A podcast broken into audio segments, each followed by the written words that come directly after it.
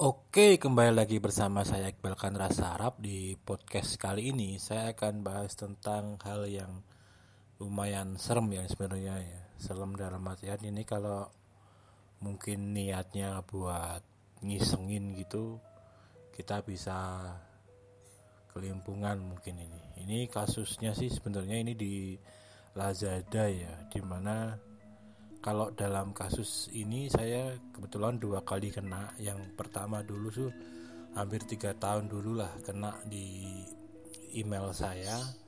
Saya belanja apa-apa apa-apa terus di situ tahu-tahu ada notif saya belanja ini itu walaupun saya nggak dirugikan apa pun dalam artian karena pembayarannya via COD ya. Dan alamat orang yang masuk ke akun saya itu dia menambah satu alamat lagi.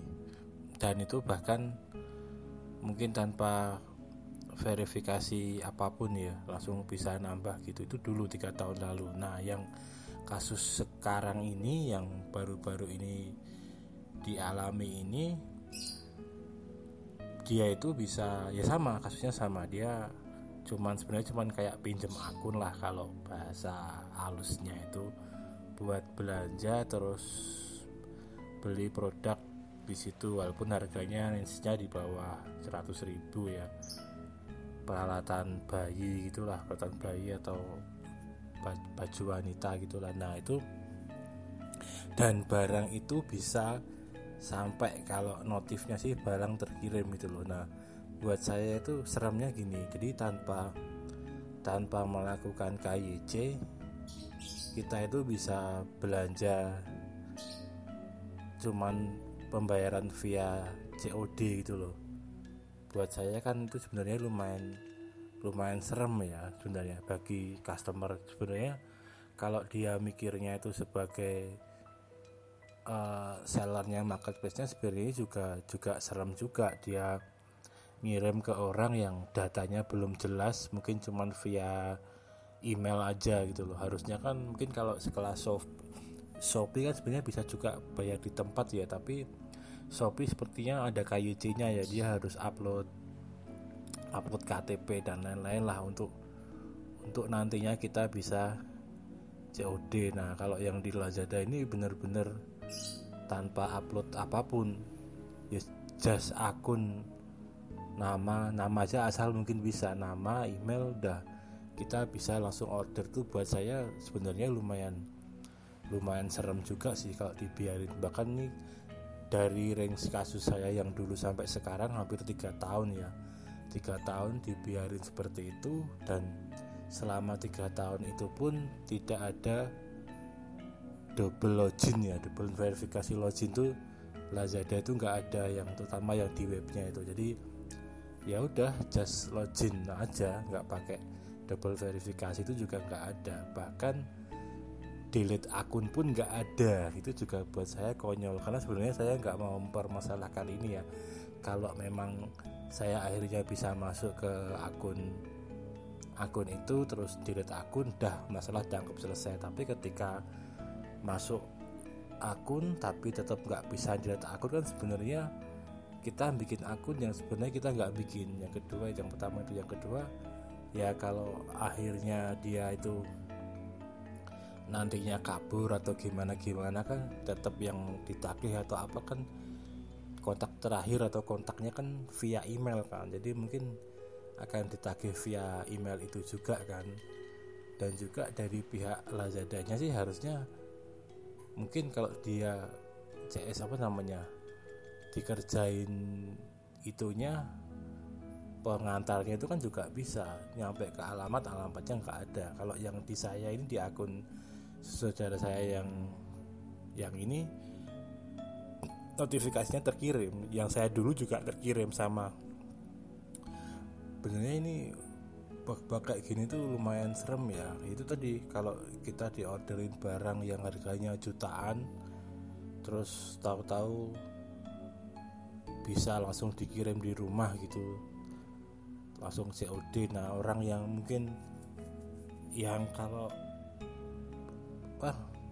orang yang nganternya itu strik langsung ya nggak mau tahu harus bayar. Itu kan pusing tapi kalau misal Loh, saya merasa nggak ngirim tapi kan ini namanya di sini. Nah itu kan juga jadi bermasalah juga kan. Jadi buat saya ini kalau nggak nggak dibenerin 2019 ini wah ini sekelas e-commerce Lazada masih seperti ini sebenarnya lumayan serem sih. Sebenarnya banyak e-commerce juga ya yang lainnya ya yang dia memang nggak ada fitur delete akun. Itu buat saya juga juga lumayan serem itu nggak ada delete akunnya itu loh. Nggak ada delete akun nggak ada double verifikasi. Nah itu mungkin kalau bayangin aja kalau di dalamnya ada virtual virtual akun. Misal balance atau CC atau apa yang bisa langsung beli gitu kan sebenarnya agak agak lumayan ya. Walaupun dalam kasus saya ini nggak ada yang dirugikan sama sekali selain fucking notif ya. Jadi memang cuma notif-notif yang anda pernah anda beli ini pesanan anda sampai padahal kan kita nggak nggak pesen kan sebenarnya. Kalau barangnya mahal kan sebenarnya wah berapa tuh pesen ini tapi kok barangnya kok kita tahu-tahu pesen ini itu kan juga bikin iri juga kan sebenarnya. Ya kurang lebih seperti itu teman-teman.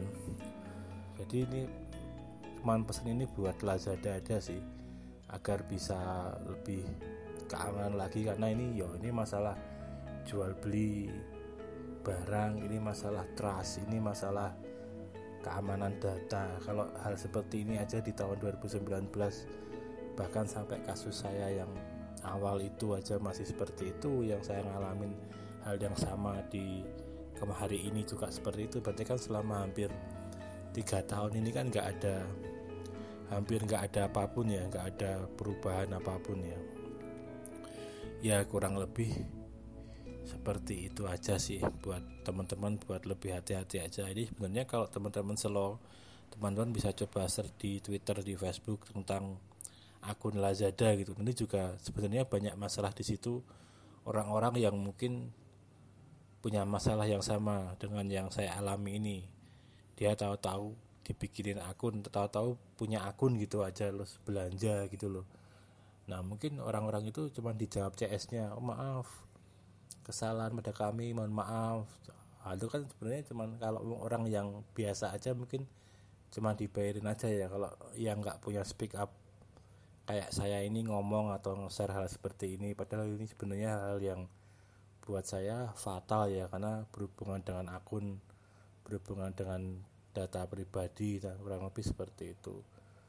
Ya moga aja ini didengar sama developernya Lazada orang-orang Lazadanya. Ya masa pendapatan segitu nggak kuat buat benerin sistem atau nyewa pentes buat benerin apa-apa lah buat saya juga sebenarnya hal yang konyol. Saya lagi saya cuman customer ya di sini ya.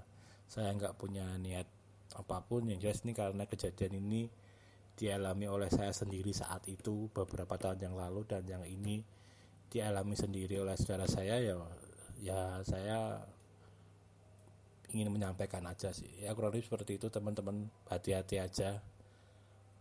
Moga aja teman-teman gak jadi korban iseng seperti itu. Kembali lagi di podcast-podcast saya selanjutnya. Salam olahraga